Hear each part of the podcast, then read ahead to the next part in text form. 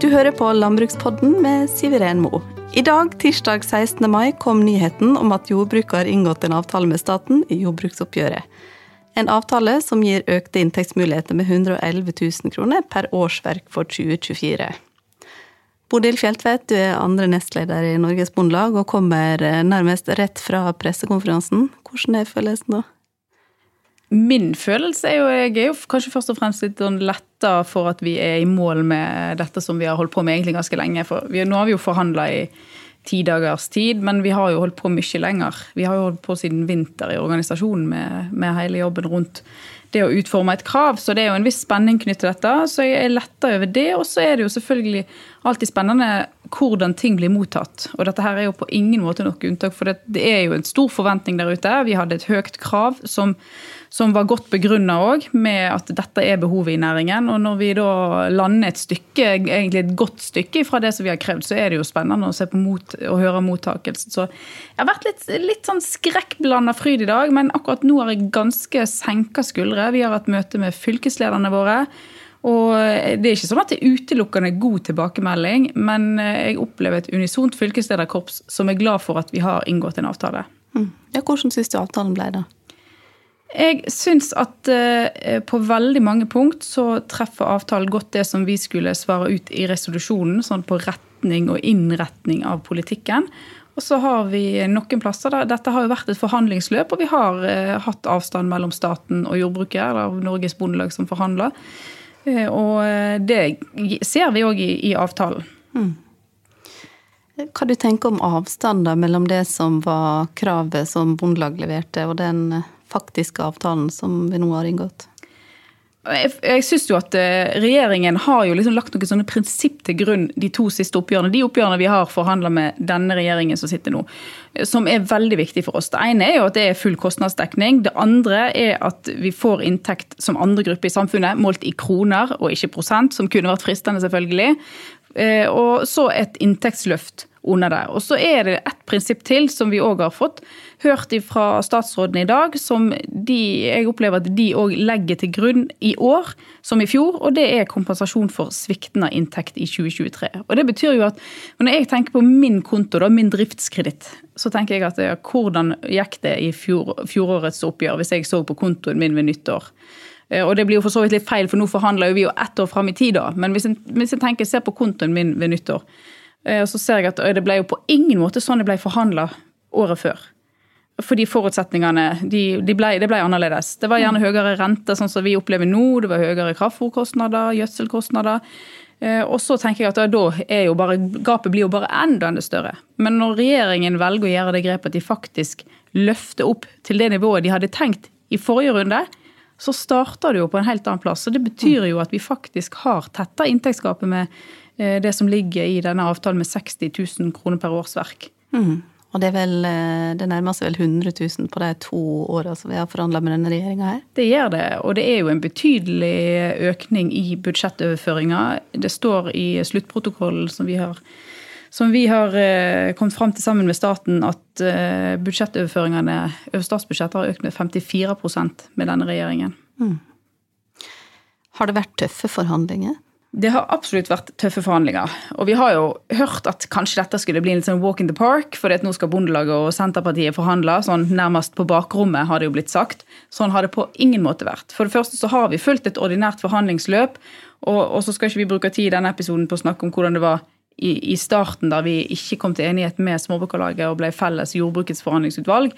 Men eh, når vi, etter at vi, har, eh, ble, at vi ble pekt på av regjeringen, så har vi fulgt et tradisjonelt forhandlingsløp. Og vi har jo hatt ulike posisjoner. Altså vi bare til å lese tilbudet og kravet der, så ser du at det er ganske stor avstand, ikke bare i kroner og øre, men òg i reell politikk. Og så opplever, opp, har jo vi opplevd at vi har måttet være tøffe, og vi har blitt møtt med De har vært tøffe, de på andre siden av bordet òg, og sånn skal det jo være i forhandlinger. Mm. Jeg har jo hørt rykte om at det kom et brev på bordet eh, langt ut på natta eh, i, i, natt, skulle jeg ta si. Når vi spiller inn nå, så er jo det Ja. Mm, det kan ikke du si hva det var?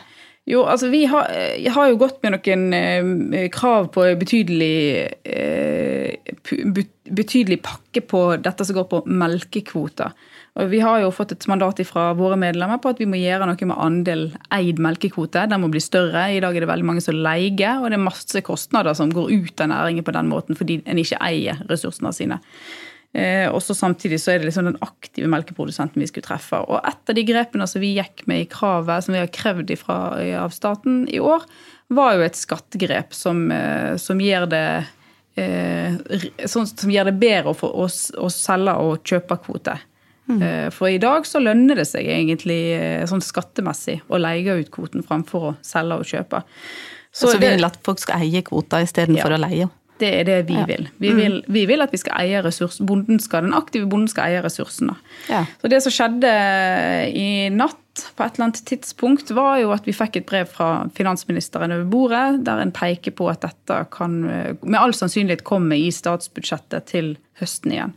Og det er jo sånn som en har opplevd før i jordbruksforhandlingene. Det er noe, jeg, jeg har aldri opplevd det. Nå har ikke jeg vært nestleder så lenge, men jeg tror nok ikke at Bjørn eh, heller har opplevd i sin tid i Bondelaget. Men det har skjedd før. At mm. når det er ting som hører statsbudsjettet til, eh, type sånne skattegrep som dette, så kan en eh, få den bekreftelsen fra finansministeren. Mm. Så det var en, det var, vil jeg absolutt si var en stor seier for oss.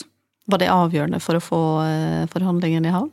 Nei, det var det nok ikke. Det var nok ikke avgjørende for å få det i havn, mm. men det gjør jo noe med forhandlingssituasjonen når en gir og når en tar. Og, mm. det går, på, går, begge veier. Mm. Og det var en viktig del av eh, kravet vårt. Hva områder det var størst avstand på? det? Har det vært noen sånn spesielle stridstema? Størst avstand har vært på andre grovfòrproduksjoner enn melkeproduksjon. Melkeproduksjon har vi vært veldig omforent om at de har eh, hatt en en uh, inntektsutvikling som ikke ligner noen av de, av de, andre sin inntektsutvikling over de tre siste årene. Så det var vi liksom omforent med staten om at der, de skal vi prioritere. Men, men, så har vi hatt en tydelig prioritering hos oss på at vi skal prioritere andre grovfòrproduksjoner, som sau og ammeku. Uh, og det hadde jo ikke staten gjort i sitt tilbud. Egentlig vil jeg si ganske tvert imot.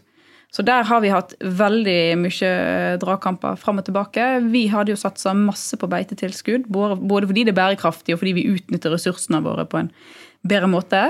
Mens staten hadde putta mindre på beitetilskudd, som igjen gir jo mindre inntektsmulighet for beitebrukeren. Mm.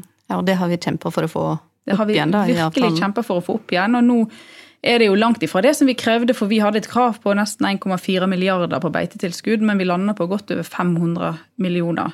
Mm. Eh, så det, betyr, det utgjør en forskjell, veldig stor forskjell for beitebrukeren. Men eh, vi har òg gjort noen andre grep for å få opp økonomien på, på, sau og på ammeku, som ikke bare går på beite. Vi har eh, lagt på både husdyrtilskudd og litt andre tilskudd som treffer direkte den produksjonen, da, for mm. å vise at vi, vi, følger den resolusjonen som vi har fått fra representantskapet vårt. Mm. Hva, hva som har blitt oppnådd i avtalen i år, da? ja, det var et stort spørsmål. Eh, først og fremst så mener mener jeg at eh, vi har jo pekt på at bonden trenger inntektsvekst. En kraftig inntektsvekst har vi pekt på. og Det var jo òg derfor kravet var utforma sånn som det var. Og det mener jeg at denne avtalen bidrar til. og sånn sett Om vi oppnår det, det vil jo vise seg i 2024, for det er jo det vi forhandler om da. Eh, men for vår del har òg denne avtalen vært eh, ikke bare kroner og øre, men ganske masse politikk òg. Vi har jo hele vinteren snakket om, i hvert fall internt i organisasjonen, at eh, vi skal ha et jordbruksoppgjør 2.0, som skal ikke bare handle om liksom sånn uforutsette og krisehåndtering som det var i fjor, men at nå skal vi faktisk kunne utføre og få gjennomført noe av den politikken som vi har. da. Og Vi har jo egentlig et veldig tydelig næringspolitisk program i Bondelaget som peker både på strukturvirkemidler, som peker på den aktive bonden, det med, med å eie ressursene sine sjøl eh, og utnytte ressursene. Og det vil jeg si at det er liksom det som har vært prioritert, og, og det, noe av det vi har oppnådd. Mm. Hva med de tinga vi løfter inn i kravet, da, som, eh, som våre prioriterte saker. Har vi fått til nok på det? Det var jo spesielt inntekt og melk mm. og velferdsordninger og en Nord-Norge-satsing. Nå har jo jeg røpt at på inntekt har vi jo ikke oppnådd det vi, det vi gikk med i kravet, på langt nær. Eh, det er et stykke fra 120 000 i tetting og gap til 60 000. Det er det absolutt. Men jeg vil si at eh, med det som jeg sa innledningsvis, så viser regjeringen at de er villige til å prioriterer oss, og, og, vi har oppnådd noe på inntektseffektsiden. Det kommer vi ikke vekk ifra. Eh, melkebonden, sånn som det ligger i avtalen nå, så er det dette her er jo ikke Det er ikke sånn at jeg, hvis jeg hadde vært melkeprodusent, så hadde truffet akkurat meg på denne måten. Men sånn som det ligger i avtalen, så treffer det melkeprodusenten med tetta gap med godt og vel 80 000 kroner per årsverk. Vi har økt målprisen til 33 øre. Der kom jo staten oss ikke i møte i tilbudet. Vi krevde 33 øre, men staten kom i 28. Og så er det dette som går på kvote. Og der har vi fått eh, kvotetaket ned fra 900 000 liter melk, som, har, som en bonde kan ha lov til å produsere på i løpet av et år, til 700 000. Og på geit så har vi fått det ned fra 900 000 til 350 000 liter. Mm. Og det har vi jobba masse med i Bondelaget over lang, lang tid. Så lenge jeg har sittet i styret i Norges Bondelag, så har vi jobba med dette. Og det samme er jo med dette andel eid, leid kvote. Der det er gjort noen grep. Det ene er det skattegrepet og det brevet som vi var veldig glad for at vi fikk. Ja. Det andre er at det nå i to år kommer til å bli 100% salg privat av melkekvoter. Nå er det sånn at det er en fordeling. Du selge, hvis du vil selge kvoten din, så må du selge 40% til staten. Resten kan du selge privat. Ja. Og så er det jo, Staten har en fast pris på det du selger til staten. da. Mm. Og det, Vi tror nok at det å åpne for 100% sammen med det skattegrepet tror vi og håper vi at vil føre til at flere vil selge kvotene, og de som produserer på den, kan kjøpe den. Men hvorfor var det så viktig å prioritere melkebonden? Det er jo fordi at melkeproduksjon er vi liker å si, bærebjelken i norsk landbruk. Eller ryggraden, har jeg hørt noen si. Begge deler er jo mm. viktig, men det er ingen tvil om at melkeproduksjon er viktig for å ha et landbruk i hele landet. Mm. Og derfor, så, eh, Sånn som økonomien har vært, inntektsutviklingen har vært over tid, så har den stupt. Det, det, er mange ulike årsaker til det. Det trenger vi ikke nødvendigvis gå inn på, men poenget var jo prosjektet vårt var å få løfta de inntektsmulighetene. Mm. Nettopp fordi at vi trenger melkeproduksjon i hele landet hvis vi skal ha landbruk i hele landet. Mm. Det er jo en sånn grunnleggende politikk for oss. Ikke sant. Og så var det dette med velferdsordninger. Ja, det òg har vært prioritert. Der var vi jo så heldige at staten møtte oss jo ikke fullt ut i tilbudet, men langt på vei, vil jeg si. De løfta jo i tilbudet sitt, så tilbydde de å løfte eh, muligheten for avløsning til ferie og fritid med 30% Potten, altså. 30 og samme med, med sykdomsavløsningen, og løfter de betydelig. Eh, det som kanskje er det viktigste vi har fått ut av forhandlingene, i tillegg til den summen som er veldig viktig for bonden, det er at vi skal ha en arbeidsgruppe som skal se på en del utfordringer i velferdsordningene, som vi har jobba masse med i Bondelaget. Blant annet det at eh, hvis jeg har jobb utenom gården, noe som 70% av norske bønder faktisk har, og så blir jeg f.eks. sykemeldt, da jeg, blir jeg avkorta de sykepengene som jeg skulle fått fra Nav det, så masse som jeg jobber på gården, blir jeg avkorta. Ja. og jeg får mindre penger til å ha avløsere i fjøsen. Og det går jo utover dyrevelferden. For er du sjuk, så er du sjuk. Om, om, om, du er sjuk fra den jobben du har utenom, så er du òg eh, eh, sjuk fra det å gå i fjøs og stelle dyr. Mm. Ja, helt klart. Absolutt. Og det er viktig for rekrutteringen til mm. yrket. For det, det, vi ser er jo at de som vil inn i næringen, og de unge som er kommet inn, de ønsker seg jo et normalt og kall det gjerne et moderne familieliv. De ønsker å ha ferie og fritid og mulighet til det. Og da eh, tror jeg at eh, den velferdsordningen sånn som den er i dag, den er velfungerende. Men vi har enda en del å gå på for å liksom modernisere den, og det håper vi at den arbeidsgruppa kan ta tak i. Mm. Ja, Det høres veldig bra ut. Og så var det denne Nord-Norge-satsinga, det. Nord-Norge, vet du. Det er viktig av mange grunner. Og eh, når vi ser hvordan Europa har, hvordan har vært i Europa de siste årene med krig og forholdsvis nært oss, så setter det jo litt sånn i perspektiv dette med å ha beredskap rundt i hele landet. Matberedskap, forsvar, og vi kunne sikkert nevnt andre ting òg. Og det har eh, har over tid utvikla seg i feil retning i Nord-Norge. En ting er at det er lange avstander der oppe i utgangspunktet, men det er langt imellom enkeltbønder, og det bønder. Og det har vært en enorm nedgang eh, av antall eh, jordbrukere i Nord-Norge.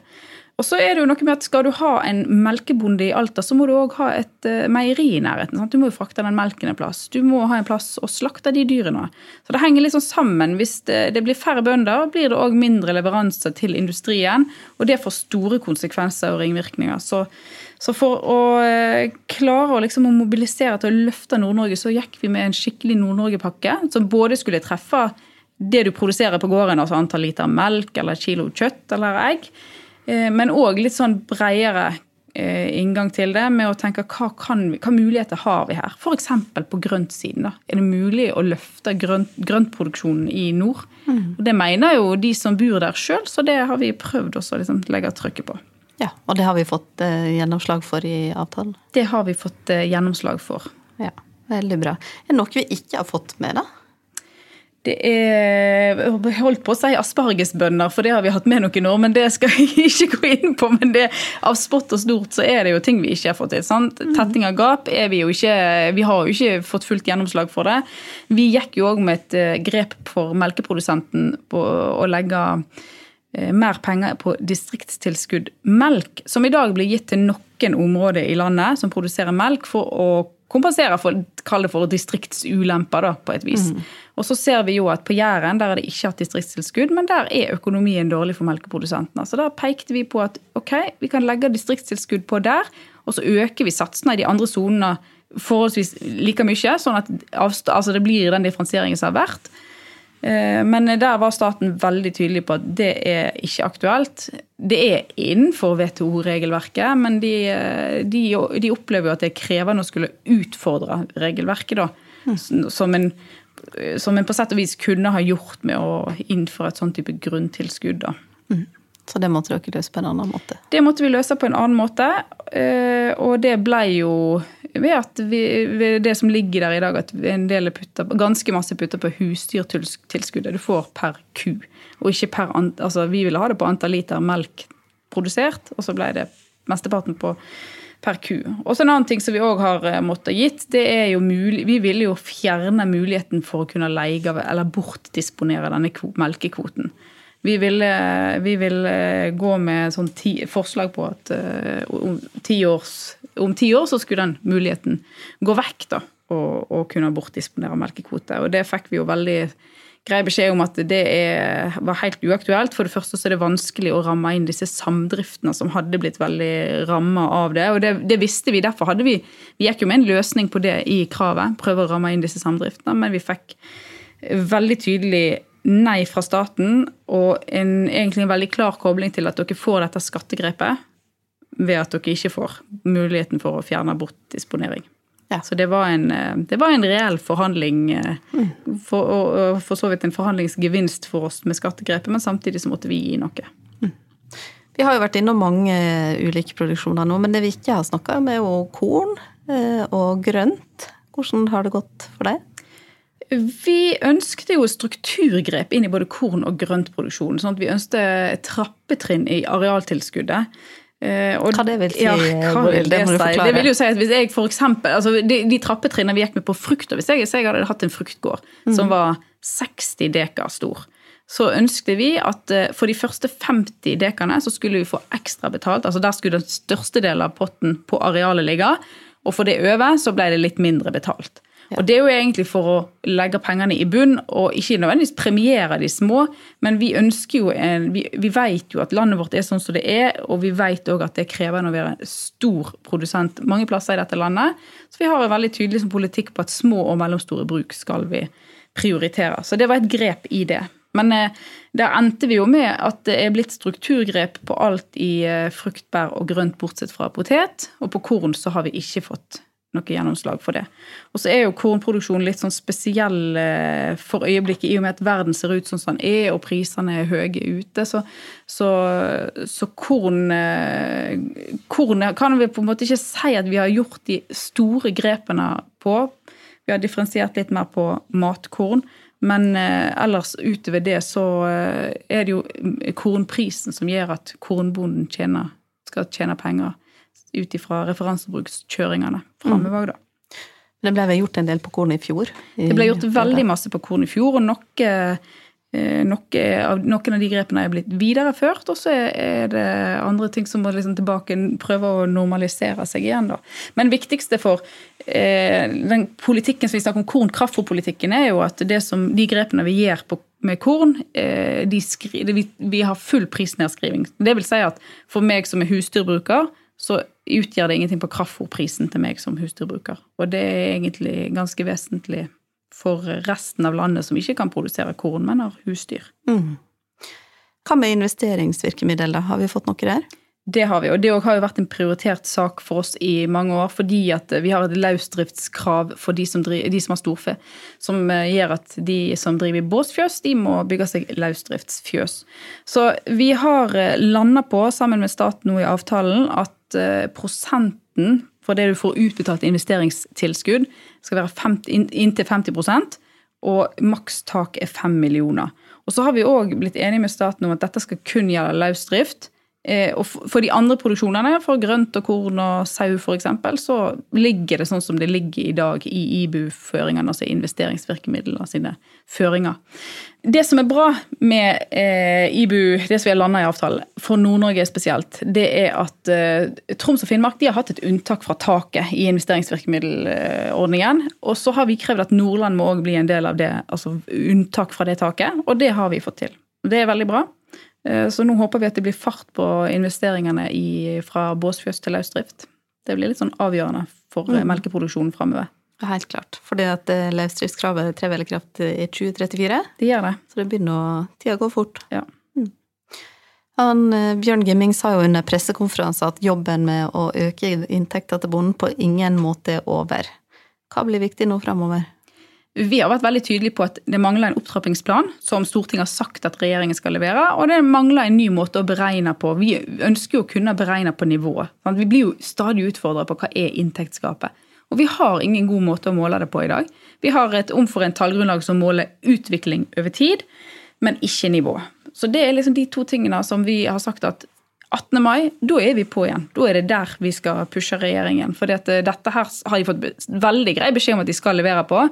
Eh, og, og, vi skal være med og få dem til å levere best mulig opptrappingsplan og best mulig tallgrunnlag, sånn at jeg som bonde kan kjenne meg igjen i det. Da vet vi hva som står på planen din første arbeidsdag, men først skal du vel ha litt grann fri? Få sove litt, f.eks.?